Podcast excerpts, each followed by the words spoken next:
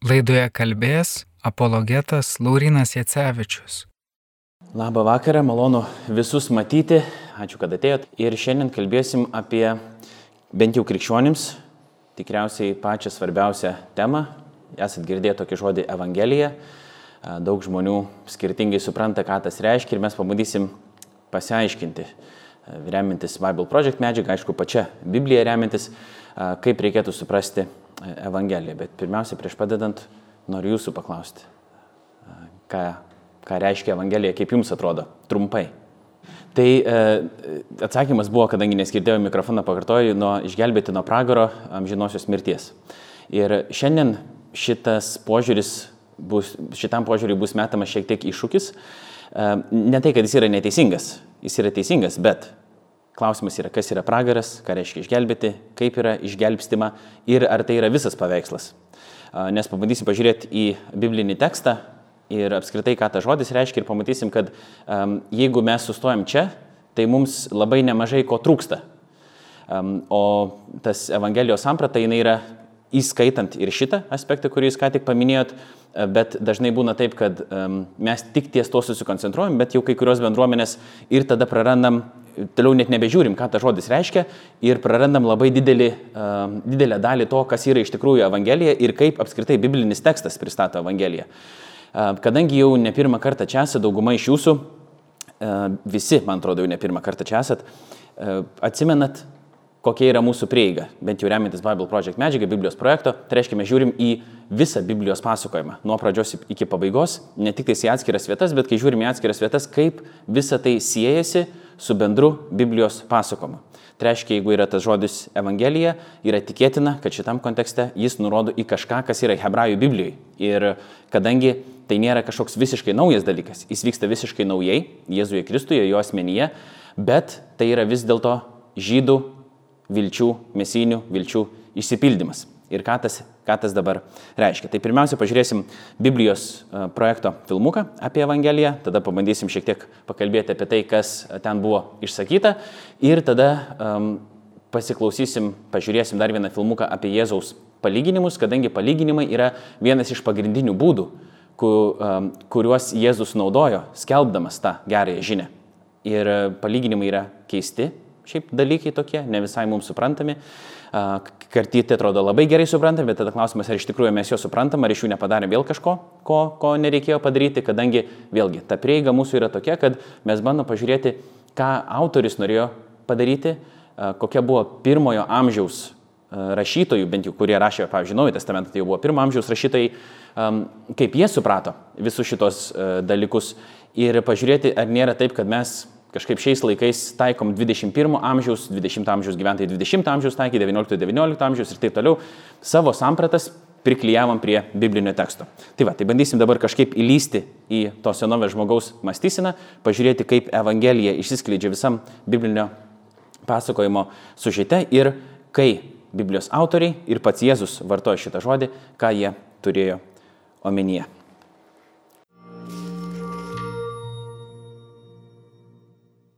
Keturios Biblijos knygos yra senovinės Jėzaus biografijos. Tai Evangelija pagal Matą, Morkų, Luką ir Joną. Paskirus pasakojimus apie Jėzų ir jo pamokymus žino daugelis žmonių. Bet šios knygos siūlo daugiau. Perskaitę jas nuo pradžios iki pabaigos, pamatysime, kaip pasakojama apie Jėzų jos įtraukia į bendrą Biblijos siužetą. Tad pakalbėkime, kaip skaityti Evangeliją. Pirmiausia, ką reiškia žodis Evangelija? Jis reiškia gerąją naujieną. Kyla klausimas, apie ką ta geroji naujiena. Štai Morkaus Evangelijoje Jėzus pradeda pasakojimą paskelbdamas atejus laiko pilnatvę. Prisartino Dievo karalystė, tad apsigręžkite ir pasitikėkite šią gerąją naujieną. Geroji naujiena skelbia, kad artinasi Dievo karalystė. Bet ką tai reiškia? Sakykime, kad taip Jėzus apibendrina visą biblinį pasakojimą vedantį į patį Jėzų. Visas pasakojimas. Gal galėtų man trumpai papasakoti? Na viskas prasideda Dievui sukūrus gerą pasaulį ir paskyrų žmoniją jį valdyti kaip Dievo atstovams. Bet tada žmonės ima vis maištauti ir tai pasaulyje įsigali prievarta ir mirtis. Tai problema. Bet Dievas įsipareigojęs viską sutvarkyti. Taigi jis išsirenka Abraomą ir jo šeimą, kad su jais pradėtų iš naujo. Tada per Mozę Dievas atveda šeimą į sodą, į gausos žemę, kad per šią šeimą atkurtų visas tautas. Tikrai, Izraelis tampa karalystė su įstabiais karaliais kaip Dovydas. Bet Izraelis ilgainiui irgi sumaištauja ir tai juos nuveda į pražūtį. Vis dėlto Izraelio pranašai sakė, kad Dievas nepasiduoda. Jis ruošiasi pats ateiti ir atkurti Izraelį, kad jo teisingumas ir taika pasklistų po visas tautas ir visą kūrinyje. Ši viltis buvo vadinama Dievo karalystė. Tai štai ką Jėzus sakė atnešantis į Izraelį. Taip, Jėzaus geroji naujiena yra apie Dievo karalystę, apie naująją kūrinyje atkeliaujančią atkurti žmonijos, kaip Dievo bendradarbės valdant pasaulį vaidmens. Štai kodėl Evangelijoje tiek daug pasakojimų, kaip Jėzus išlaisvina žmonės iš mirties ir lygų, drauge ir jo pamokymų apie dosnumą vargšams, atleidimą ir meilę priešams. Jis kvietė žmonės gyventi naujajame Dievo pasaulyje. Teisingai. Tad vienas iš pagrindinių Evangelijos tikslų - parodyti, kaip Jėzus visą biblinį pasakojimą įvykdo iki galo. Tai štai kodėl Evangelijos autoriai nuolat remiasi hebrajų raštais, pasakodami apie Jėzų. Taigi Jėzui gimus Betlėjuje Matas mums primena, kad pranašas Michėjas jau puoselėjo tokį lūkestį. Ir jis tiesiogiai cituoja iš Michėjo knygos. Taip, tiesioginės citatos tikrai dažnos. Vis dėlto Evangelijos autoriai dažniau įpina biblinės frazes į pasakojimą, nė neusimendami, kad pats galėtum jas atrasti. Pavyzdžiui, kai Jėzų krikštien Dievas iš dangaus paskelbė, Tu esi mano sunus, mano mylimasis, tavimi aš geriuosi. šiek tiek patyrinėjęs atrasi. Dievo ištarmėje sujungiamos draugien trijų Biblijos tekstų frazės, nusakant, kad Jėzus yra karališkasis Dovido sūnus, Abraomo sėkla ir tarnas, kuris rengėsi kentėti už savo tautos nuodėmes.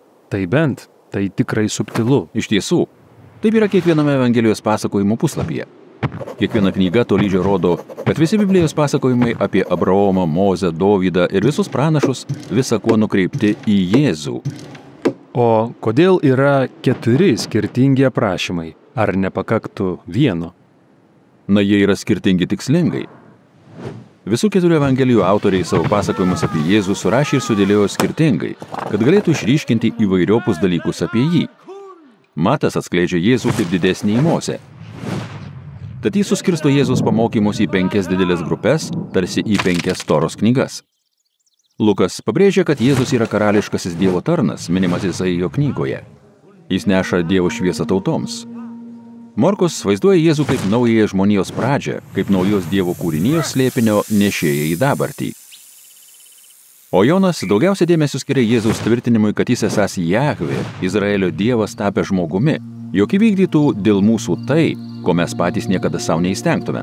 Jos iš tikrųjų skiriasi viena nuo kitos, bet visos perteikia tą patį pagrindinį pasakojimą. Žmogus iš Galilėjos regiono skelbė šią gerąją naujieną, galiausiai buvo nukryžiuotas kaip nusikaltelis. Taip, visos keturios Evangelijos knygos rodo, kad per Jėzų atėjusi Dievo karalystė nuvedė jį ant kryžiaus, kuris buvo pasodintas sostė kaip naujojo Dievo pasaulio karalius. Jam buvo duoti apseustas, karūna ir skeptras. Teisingai, Jėzus kentėdamas žmonijos maišto padarinius parodo, kad Dievo karalystės galybė ateina per jo meilę ir savi auką. Ir jam prisikėlus iš mirusiųjų matome naujos kūrinijos aušrą.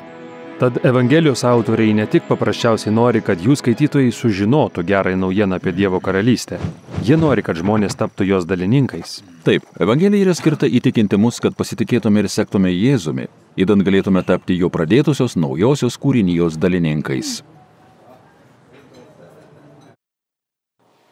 Nežinau, ar kas nors paaiškėjo, bet bandysim dabar aiškintis. Iš greikų kalbos verčiant Evangelijon ir yra geroji naujiena arba geroji žinia, kiti dar sako linksmoji žinia. Naujam testamente ta reikšmė konkrečiai yra, kad Jėzus per savo gyvenimą, mirtį ir prisikėlimą iš mirusių į pasaulį, į mūsų pasaulį atneštos Dievo valdžios paskelbimas. Kitaip tariant, tai yra geroji naujiena, gera žinia, kad Jėzus, e, jo gyvenimas, jo mirtis ir prisikėlimas daro absoliučiai kažką naujo. Ir per tai ateina Dievo karalystė į šitą pasaulį. Dabar jeigu mes jiem tai su senuoju testamentu, čia vėl reikia aiškintis, ką tas reiškia, kad Dievo karalystė ateina šitą pasaulį per Jėzaus asmenį, bet jis nuolat tai ir skelbė. Jėzaus lūpose skelbimas pagrindinis buvo, kad prisartino Dievo karalystę. Ne, žiūrėkit dabar štai, ką jums reikia daryti, kad išvengtumėt pragaro, bet prisartino Dievo karalystę, kokia bus jūsų reakcija į tai. Ir tas žodis paimtas iš Senojo testamento yra, čia nėra taip, kad Jėzus pats jį sugalvojusiai taikė, tas jisai buvo pažįstamas su hebrajų raštais, su mūsų vadinamu Senojo testamentu, tai buvo jo raštai. Naujasis testamentas buvo parašytas jau po Jėzaus mirties ir prisikėlimo. Evangelijos, po to laiškai, po to ir apokalipsė, kai kurie laiškai anksčiau negu Evangelijos buvo parašyti. Ir Izaijo pranešiškai poezijoje, mes taip vadinam, arba Izaijo pranašystai, buvo kalbama apie tai, kad įvyks toks dalykas, kad Dievo karalystė ateis per tą mesijinę figūrą. Mesijas yra pateptasis, vėl patepdavo karalius, patepdavo pranašus ir taip toliau Sename testamente. Bet Paulius ir Jėzus abu du naudoja šitą terminą. Po to yra, jeigu atsimenate Sename testamente tokia citata, kokios gražios skelbinčio, kojos skelbinčios gražią arba gerąją naujieną arba linksmąją žinę, bet tai yra netgi karinis terminas. Tai yra gera naujiena, kad įvyko pergalė ir ta žinia dabar yra atnešama. Tai Jėzus taiko tas reikšmės irgi e, kalbai apie save patį, kad per jį ateina ta geroji naujiena. Bet kai kurie, kurie galvojo, kad um, tai yra kažkas susijęs su karais, su perversmu, Romos imperijos nuvertimu. Tokios ir buvo mesijinės, vadinkim taip, viltis pirmam amžiui. Pirmam amžiui buvo tokių judėjimų ir daugiau, ne tik tais Jėzus tas mesijinis judėjimas, nes buvo pakurstytos viltis, kad dabar iš tos priespaudos ta mesijinė figūra kažkaip išvaduos Izraelį. Ir e, Jėzus sakė, kad jūs netaip supratot, mano karalystė yra ta karalystė tarsi aukštinkojo, mes taip lietuviškai verčiam galima, arba išvirkščia karalystė, atvirkščia karalystė, bet gerąją prasme. Jis apverčia visą tą sampratą apie jėgą, valdžią, valdymą, galę. Ir, Jėzu, ir dėl to Jėzus buvo daug kieno nesuprastas. Ta jo valdžia yra tikrai galinga, bet jinai ateina per pasiaukojimą ir per meilę. Antiraitis toks istorikas ir Naujojo testamento tyrinėtojas ir teologas, jis sako, kad geroji naujiena nėra tiesiog geras patarimas. Geras patarimas, kaip gyventi, arba geras patarimas, kaip patekti į dangų, dar vienas iš patarimų ir išvengti pragaro. Bet geroji naujiena yra apie tai, kas jau įvyko. Įvyko faktas. Dievas atėjo Jėzuje Kristuje čia karaliauti šitam pasaulyje. Per jo gyvenimą, mirtį ir prisikelimą Dievo karalystė buvo čia paleista į šitą pasaulį ir mes laukiam to karaliaus antrojo sugrįžimo Tai reiškia sugrįžimo, antrojo ateimo, to advento, ką mes ir minim beje per adventą, kas reiškia ateimas, kai jo karalystė bus galutinai įtvirtinta ir bus visa atkurta nauja. Bet tas dalykas jau praeitie įvyko, bet dar ne visai iki galo yra išsipildęs, mes dar laukiam jo ateimo. Čia yra geriau naujiena. Tai visos tos viltis, kurias turėjo Izraelis, kurias turi ir visa žmonija, kad visa bus atitaisyta, visa bus padaryta nauja, įvyko Jėzuje Kristuje. Reikalas yra dabar koks? Kad jis atėjo, gimė kaip kūdikis, buvo nukryžiuotas, paniekintas, buvo kaip tarnas, bet jis tuo pačiu yra karalius ir visų tautų viešpats. Tai yra faktas, tai yra jau įvykęs faktas. Tai nėra, sakau, geras patarimas, kaip Antiraitas sakytų, arba pažiūrėkit, o gal jums tai kaip nors patiks. Tai jau atsitiko. Taip yra. Klausimas yra, kokia yra mūsų reakcija į jį. Dėl to Jėzus ir sako, atsiverskite ir tikėkite gerąją naujieną. Arba pakeiskite savo mąstymą, pakeiskite savo kelius. Ta žodis atgaila arba atsivertimas kai mes sinonimiškai kartais vartomi reiškia, kai tu įėjai į vieną pusę, įėjai ten ir tai yra mirties kelias, tu atsisuki dabar į gyvenimo kelią. Bet tai nėra tiesiog, kad, ai, du keliai yra tolygus, turi panašia, panašias pasiekmes, ne. Pasiekmes yra skirtingos, bet tas gyvybės kelias, jis yra uh, Jėzaus valdžioje. Ir ne kiekvienas žmogus toli gražu nori būti Jėzaus valdžioje arba Dievo valdžioje.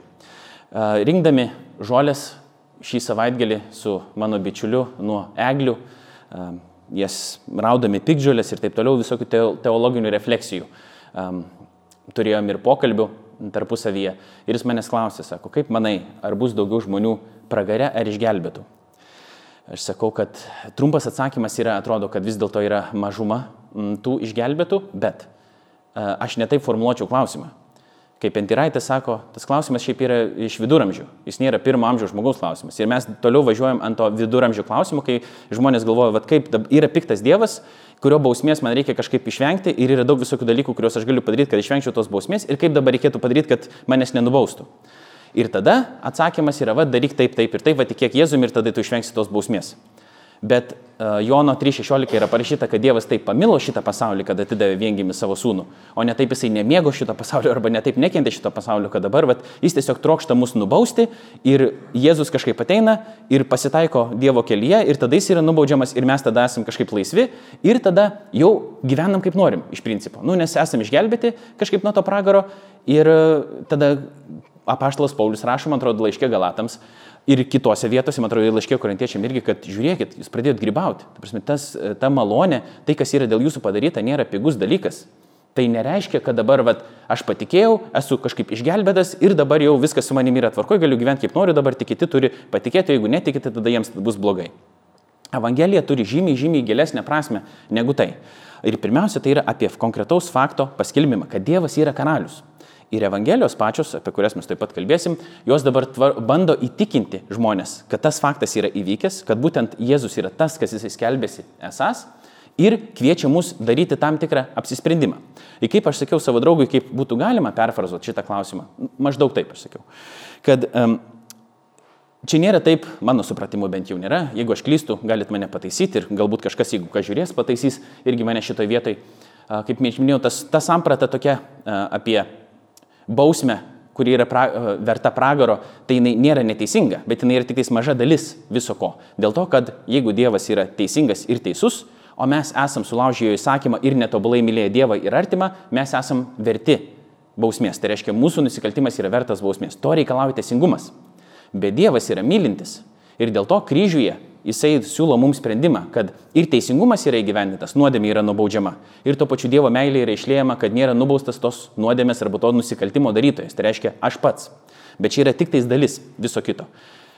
Kaip ir tada žmonės, kai klausia šito klausimo, pavyzdžiui, ir kurie nemėgsta krikščionybės, dažnai va taip ir jį formuluoja. Vat, yra piktas Dievas, kuris uh, sako, kaip ir myli tave ir po to yra daromas karikatūros, bet jisai taip myli, kad, vat, sako, tau tikėk ir jeigu tu netiki, tada jis tave su pasimėgojimu degina pragaro liepsnuose. Vat, vat čia toks yra tas mylintis Dievas.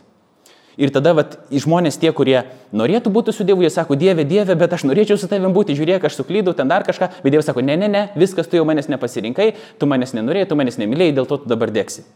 Ir čia yra absoliuti karikatūra krikščioniškos pasaulyje žiūros. Visiškai ne taip yra. Dievas yra mylintis, yra parašyta taip, kad jis nori išgelbėti kiekvieną. Taip yra parašyta. Jeigu Dievas nori išgelbėti kiekvieną, tai kodėl taip E, kodėl yra taip, kad ne kiekvienas yra išgelbėtas? Vėl klausimas, ką tas reiškia. Kodėl ne kiekvienas, kitaip tariant, turi santykių su Dievu, kuris tęstusi per visą amžinybę ir išsigruotų naujoj kūrinyje. Jeigu mes pažiūrim į šitą reikalą visai kitaip, visai kitų kampų, kurį aš dabar pasiūliu, kad Evangelijos esmė yra tai, kad Dievas tampa šito pasaulio karaliumi. Jis jau yra karalius, bet labai realiu būdu per Jėzų jo karalystė ateina į šitą pasaulį. Ir dabar yra tokia nauja valdžia, vadinkim taip. Yra teisėta valdžia, kuri visą laiką tokia ir turėjo būti. Ir žmonės yra kviečiami dabar tapti Jėzaus mokiniu, sekti paskui jį, paneigti pačiu save ir pripažinti jį viešpačiu ir karalium ir gyventi jo valdžioje. Ir tada, kai klausi, ar kiekvienas taip nori, toli gražu ne kiekvienas taip nori.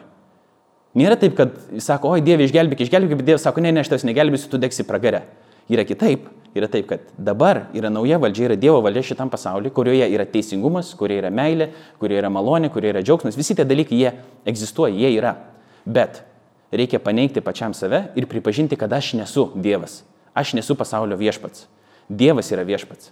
Ir tai jis parodė Jėzuje Kristuje. Ir tada klausimas yra, ar aš noriu gyventi jo valdžioje. Ir kai tai paklausi, akivaizdu, kad bus labai daug žmonių, kurie nenorės gyventi jo valdžioje. Lygiai taip pat mes galim savęs perklausti, ar mes norim gyventi Dievo valdžioje, ar mes norim gyventi savo pačių valdžioje. Senajame testamente yra daug kalbama apie dvasinės tokias būtybės, apie dvasinių būtybių maištą, sukilimą. Babilonas yra viena iš tų didžiausių išraiškų to Babelio bokšto statybos. Ne? Kad žmonės norėjo patys pasirodyti, įstatyti, įtvirtinti savo vardą. Vardas tai yra mano paties esmė. Ir Dievas po to juos išsklaidė. Bet žmonės prisijungė prie to dvasinių būtybių maišto Mes visi esame maištininkai, mes maištaujam, bet Dievas sako, va čia yra tokia teisėta valdžia. Ir ar tas maištas bus nuramintas, nutildytas ir kurie nustos maištauti ir prisijungs prie jo valdžios, ar maištaus toliau. Ir kas yra įdomu, kas yra įdomiausia, C.S. Lewisas, toksai krikščionių mąstytojas 20-ojo amžiaus, anglikonas. Jisai sako taip, kad pragaras yra galutinis monumentas arba paminklas žmogaus laisviai.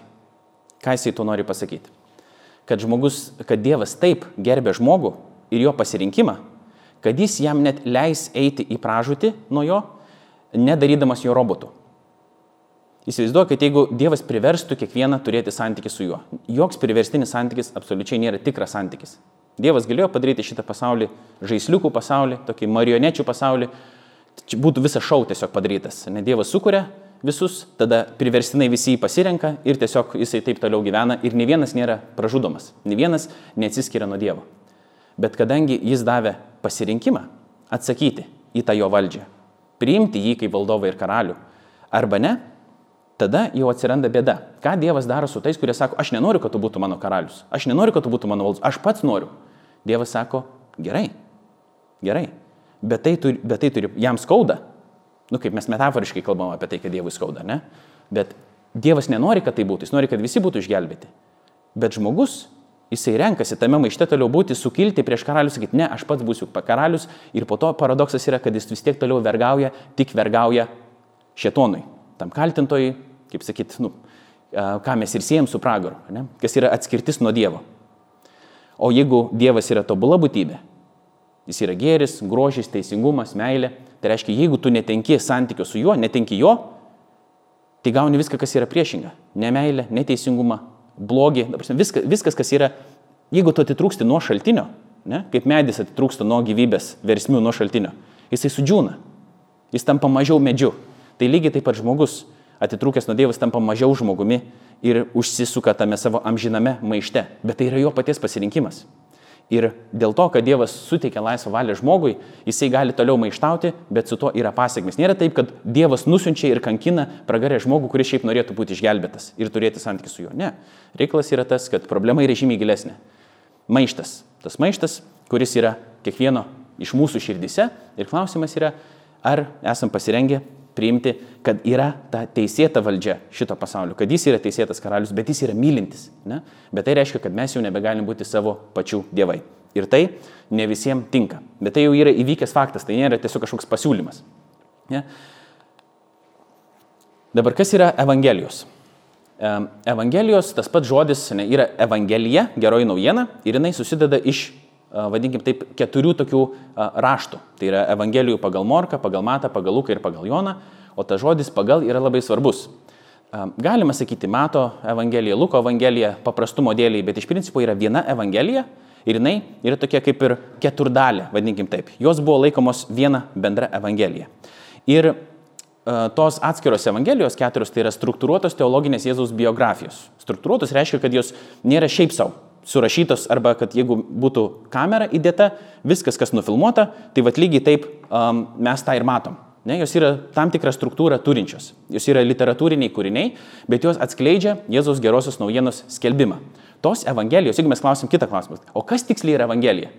Skaityk, reikės pažiūrėti, kas dabar tiksliai yra ta Evangelija. Yra santraukų, ne, bet tos santraukos yra šiek tiek skirtingos, bet vienoje iš Evangelijų yra parašyta, kad Jėzaus Dievo Sūnaus Evangelijos pradžia Tai reiškia, kad aš jeigu noriu suprasti geriau, kas ta Evangelija yra, man reikia skaityti toliau, kas ten vyksta, ką Jėzus daro, ką jisai sako, kaip jisai elgesi. Šitos biografijos yra paremtos e, liudininkų apaštalų parodymais. Pavyzdžiui, dvi Evangelijos yra rašytos pačių liudininkų, Mato ir Jono, ir dvi Luko ir Morkaus yra rašytos tų žmonių, kurie nematė Jėzus nu, patys, jie nemaikščiojo kartu su juo. Lukas sako, kad aš apklausiau liudininkus, tinkamus liudininkus, gerus liudininkus ir surašiau šitą dabar raštą. Morkus yra manoma taip, ir Morkus Evangelija dažniausiai yra laikoma pirmąją, kad jisai užrašė, jeigu aš dabar gerai atsimenu, Petro pasakojimus apie tai, ką Jėzus darė ir ką jisai sakė. Tai nėra tik istoriniai aprašymai, bet jie siekia paveikti skaitytojo mąstymą ir elgesį.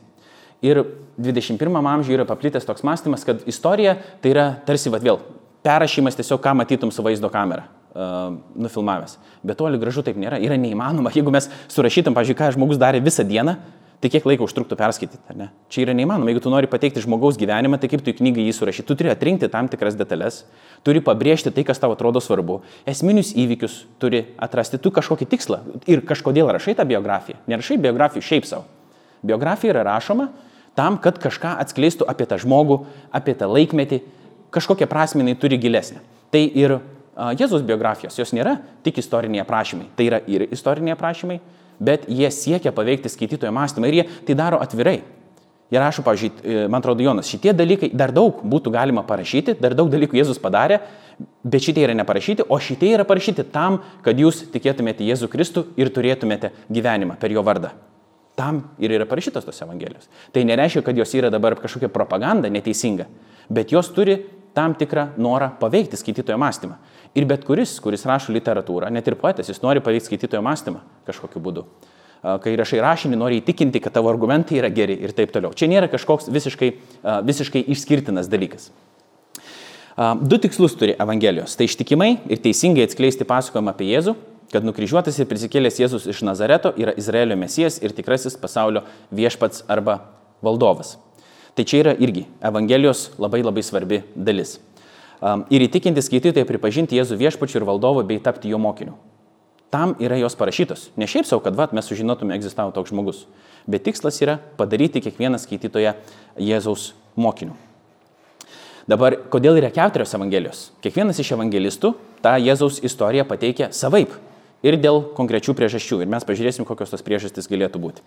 Um, dabar pavadinimas, kodėl yra tie, tos biografijos vadinamas Evangelijomis, tai paprastas dėl to, kad iš Morkaus um, pirmos skyriaus pirmos eilutės mes skaitom tokius žodžius. Jėzaus Kristus, Dievo Sūnaus, Evangelijos pradžia. Tai reiškia visas tas, tas raštas, tas tekstas, kurį jis rašo, jisai tai vadina gerąją naujieną apie Jėzų Kristų.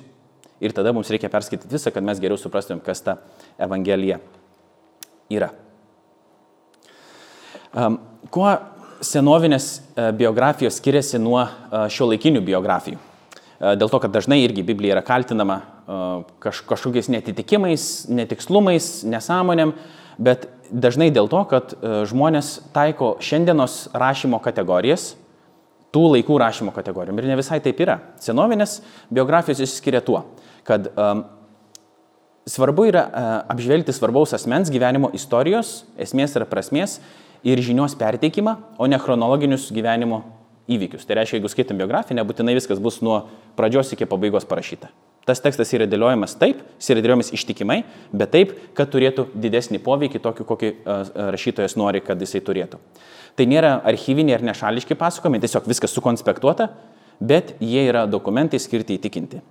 Ir siekiama įtikinti ne tik kažką sužinoti apie tą asmenį, ne tik, kad, o pažiūrėkit, Jėzus svarbus asmo, kažką tu apie jį sužinok, bet kad jį, jie siekia įtikinti, kad mes elgtumėmės taip, kaip elgesi tas, apie kurį yra rašoma čia konkrečiai Jėzus.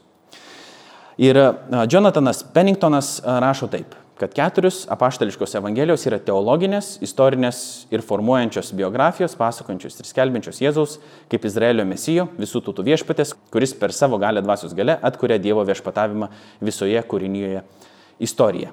Tai reiškia, trumpai vėl tariant, kad tai jos pateikia mums tokią dievišką perspektyvą į tai, kas yra Jėzus ir ką jisai čia daro, kad jisai atbaigia uh, tą viltį, įgyvendina tą viltį, kurios laukia ir taip žydų tauta.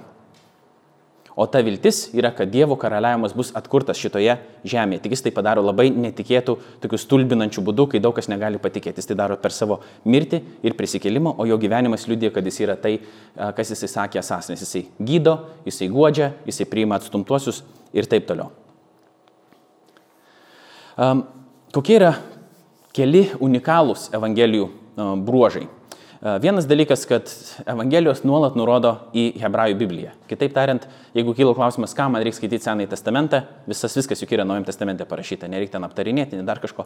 Jeigu mes neskaitom Senojo testamento, mes labai dažnai nesuprasim, apie ką kalba ir Jėzus pats, nes jis sako tokių keistų mums atrodytų dalykų, ir patys Evangelijų autoriai. Ypatingai tie, kurie, pavyzdžiui, taiko į žydų auditoriją, tie, kurie gerai išmano Hebrajų Bibliją. Jie duoda daug visokių nuorodų, kur mes, pavyzdžiui, nepamatysim, kad čia yra tiksliai citata. Bet ta pati samprata, jeigu tu nuolat gyveni, sakykime, toj hebrajų Biblijoje, ką ir darė žydų tauta. Ne, jie nuolatos istorijos būdavo jam pasakojama šeimoje, jie mokydavosi jų, neklausydavo sinagogoje skaitomų, jiems tai būdavo savame suprantami dalykai. Ir kai girdi kažką sakant tokio, jie iš karto atsimena, į ką čia yra nurodoma. Evangelijose yra tiek ir tiesioginių, tiek ir netiesioginių teiginių apie Jėzaus tapatybę. Kiti klausia, kodėl Jėzus nepasako, kad jis yra Dievas. Pavyzdžiui, kodėl jis nesako, aš esu Dievas, garbink mane. Musulmonai taip sako. O Jėzus, jeigu Jėzus yra Dievas, kodėl jis taip nesako? Ir mūsų atsakymas yra, jis taip sako. Ir kitas dalykas, jis tai sako ne visai tokiu būdu, nu, ne visai tokiu sakinį, galima ir kitaip pasakyti tą patį dalyką. Ne? Jisai pritaiko savo, pavyzdžiui, Jahvės vardą. Jis sako, aš esu. Kai ateina vandeniu, visų pirma, Senajame testamente, kas valdo vandenis? Dievas, tik Dievas, daugiau niekas taip nedaro. Ne? Jisai gali sutramdyti, Dievas sutramda chaotiškus vandenius Senajame testamente. Jėzus atlieka tą pačią rolę ir kai jo paklausia, kas čia eina, jis sako, ne aš ateinu, ne dar kažkas, jis sako, aš esu, jis pritaiko savo Dievo vardą. Ne? Tai čia yra tik vienas iš pavyzdžių. Ir po to, jau jam artėjant prie Jeruzalės, kai jis yra kaltinamas, kad jis išventvagiauja, nes prieš tai jau taip sunku yra jį pagauti, jis vis atviriau tą savo tapatybę atskleidžia. Ir po to um, pavyzdžiui, jis atleidžia nuodėmės ir tada jo klausia, kas gali atleisti nuodėmės. Čia retonis klausimas iš tikrųjų yra. Kas gali atleisti nuodėmės, jeigu ne vienas Dievas? Ir Jėzus tą daro. Ir visi supranta, apie ką eina kalba. Ne? Tai čia yra tokie netiesioginiai paliudymai apie jo tapatybę, kas jis toks yra. Nukryžiavimas ir prisikelimas yra pasakojimo kulminacija. Kodėl tai yra svarbu? Apie, jeigu skaitom šiaip paprastą biografiją, nebūtinai mirtis yra pati svarbiausia detalė žmogaus gyvenime. Kartais net iki mirties baigėsi tos biografijos. O čia, jeigu pažiūrim, didžiosios kai kurių bent jau evangelijų dalis yra neproporcingai, sakykime, didelės, yra paskirtos paskutiniams jo kelioms dienoms. Daug metų pra, sudėta, sakykime, į tokį gabaliuką ir po to vos ne į tokį patį sudėtos kelios paskutinės dienos. Tai ką tai reiškia dabar, jeigu žiūrim iš literatūrinės perspektyvos? Tai reiškia, kad kuo daugiau tekstų yra tam skirta, tai tuo svarbiau tai yra. Reiškia, į tai reikia atkreipti dėmesį, kad nukryžiavimas ir prisikėlimas kažkokiu būdu išpildo hebrajų Biblijoje randamas viltis apie tą mesinę figūrą, kuri ateis. Ir šitie dalykai yra esminiai. Nukryžiavimas ir prisikėlimas nėra kažkas, vat, ai, tarp kitko susijęs su Jėzaus gyvenimu. Čia yra pats pagrindinis ir esminis dalykas, klausimas, ką jis daro. Yra tokia vadinama apokrifinė evangelija, Tomo evangelija. Gal esat kažkas girdėję, kiti vėl klausia, kodėl jinai neatsirado Biblijoje, atėjo kažkas perskaitė, jiem nepatiko, tada išmetė, Vatikanas ten ilgai slėpė, dabar atrado ir tada rodo, sakykime, visose um, naujienų portaluose, ne kad taip yra. Ne taip visai yra. Tomo evangelija yra tiesiog net ne visai evangelija, jinai, nieko, jinai ne taip veikia kaip šitos evangelijos. Tai yra Jėzaus posakių rinkinys. Kai kurie yra autentiški Jėzui, mes galime atsekti, kai kuriuos atrodytų panašu, kad Jėzus galėjo tai pasakyti, bet mes nežinom, ar jis tai pasakė ar ne. Kiti yra tikrai pakankamai keisti, tokie labai kontroversiški jie yra, bet ten nėra istorija, tai nėra pasakojimas. Tai yra tiesiog tam tikrai teiginiai priskiriami Jėzui yra ženkliai vėlesni negu šitos ankstyvosios Jėzus biografijos. Ne? Ir kodėl dabar tai yra svarbu? Dėl, ir ten net nėra kalbama, arba aš dabar neatsimenu tiksliai kaip ten yra, bet arba iš vis nekalbama, arba tik užsimenama apie Jėzaus mirtį ir prisikėlimą. Tai nėra esminis dalykas. Ten yra daugiau tokie pamokymai kažkokie, kažkokio mokytojo pamokymai, kaip reikėtų gyventi, kaip reikėtų galvoti ir taip toliau. Ne? O šitos evangelijos jūs daro visiškai kitą kažkokį dalyką. Jūs atkreipia dėmesį į Jėzaus gyvenimą, mirtį ir prisikėlimą kaip į esminius dalykus. Ir e, kiekviena evangelija turi skirtingą struktūrą akcentuojanti skirtingas savybės. Jau buvo kažkiek minėta, pavyzdžiui, Matas, jo tikslas yra parodyti Jėzų kaip didesnį mozę. Apeliuoja į hebrajų auditoriją, į žydus. Mozė jiems svarbus pranašas, ne, svarbus asmuo, jie apeliuoja, jisai apeliuoja, kad Jėzus yra didesnis negu mozė. Morkus, kad Jėzus yra netikėtas mesijas. Jūs laukit mesijo, sako, bet jisai netoks, kaip jūs tikėjotės. Ir Jėzus dažnai pyksta ant rašto aiškintojų, sako, pažiūrėkit, jūs, jūs patys nesuprantat raštų tie, kurie turėtumėte suprasti raštus, nes prieš jūsų akis tai įsipildo dabar apie tai, kas yra parašyta, o jūs nepagaunat minties. Luko Evangelijoje Jėzus yra pristatomas kaip tas, kuris atneša tautoms, visoms tautoms gerąją naujieną. Jeigu prisimenat Biblijos pasakojimą, yra tai, kad Dievas norėjo palaiminti visą pasaulį per Abromo šeimą, kai nepavyko tas projektas su Adomu ir Jėva, ir Dievas aišku žinojo, kad jisai nepavyks, ne? jisai įsirenka Abromo šeimą, per kurią turi palaiminti visą pasaulį. Ir vėl, Abromo šeima nuvilia, tada Izraelis nuvilia daug kartų, ne? nuviliam aišku ir mes, bet per Jėzų tas palaiminimas yra iš tikrųjų išliejamas visoms tautoms. Ta viltis, kuri yra siejama Hebrajų Biblijoje, jinai Jėzuje išsipildo. Lukas apie tai ir kalba. Tai, kas buvo laukta, ką turėjo padaryti, kas turėjo vykti per Abraomo šeimą, įvyksta galutinai Jėzuje. Ir galiausiai Jono Evangelijoje Jėzus, Jėzus yra pristatomas kaip Izraelio Dievas. Ten, kiek ir sakytų, atviriausiai, nors ir visose Evangelijose galima tą patį žvelgti, kad Jėzus yra pristatomas kaip Jahve Izraelio Dievas. Ir ne tik Izraelio, bet viso pasaulio viešpats ir jisai yra tapęs žmogumi. Pats prologas, įžanga Jėzus Evangelijos, e, Jono Evangelijos apie tai kalba, kad, kad tas žodis, kuris buvo su Dievu ir buvo pas Dievą, jis iš tikrųjų pats buvo Dievas ir šitėjo šitą pasaulį ir pastatė palapinę arba padangtę tarp mūsų, bet savie jo nepriemė ir taip toliau.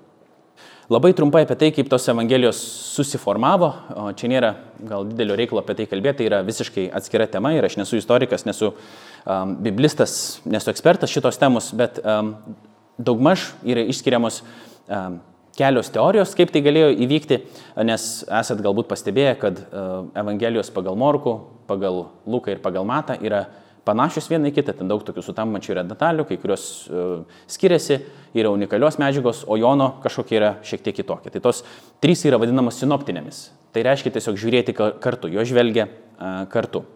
Uh, bet yra visuotinai šiai priimta, kad uh, ir mes galime pamatyti pat pačiuose ir bibliniuose tekstuose, kad um, Evangelijų autoriai, arba tie po to irgi, kurie tvarkė šitos tekstus, um, naudojasi ankstesnė informacija perduota patikimų liudininkų ir nebūtinai liudininkų, bet tie tų informacijos perdavėjų, kurie yra patikimi.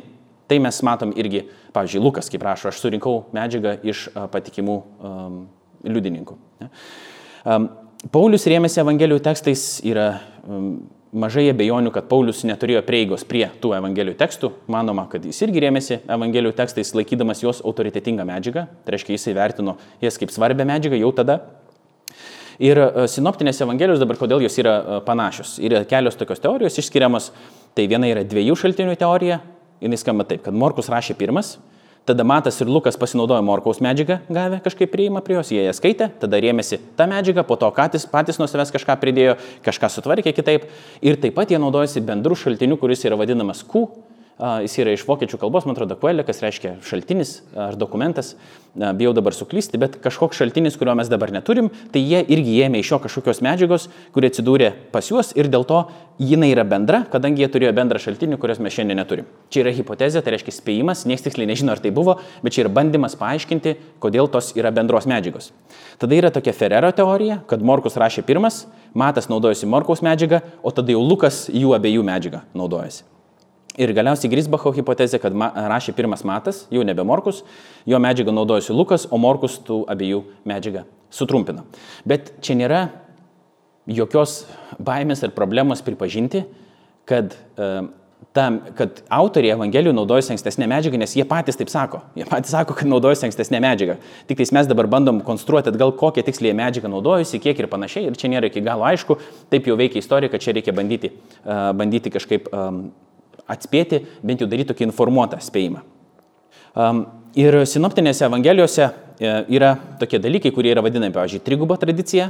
Tai reiškia, kad tas turinys, kažkokia istorija yra randama visuose trijuose. Pavyzdžiui, 5000 žmonių pamaitinimas. Visose, visose yra ta pati istorija. Tas pats pasakojimas šiek tiek kitaip pateiktas. Dviguba tradicija, kad tai yra randama ir Mato, ir Luko evangelijose, bet nerandama Morkaus, pavyzdžiui, palaiminimai.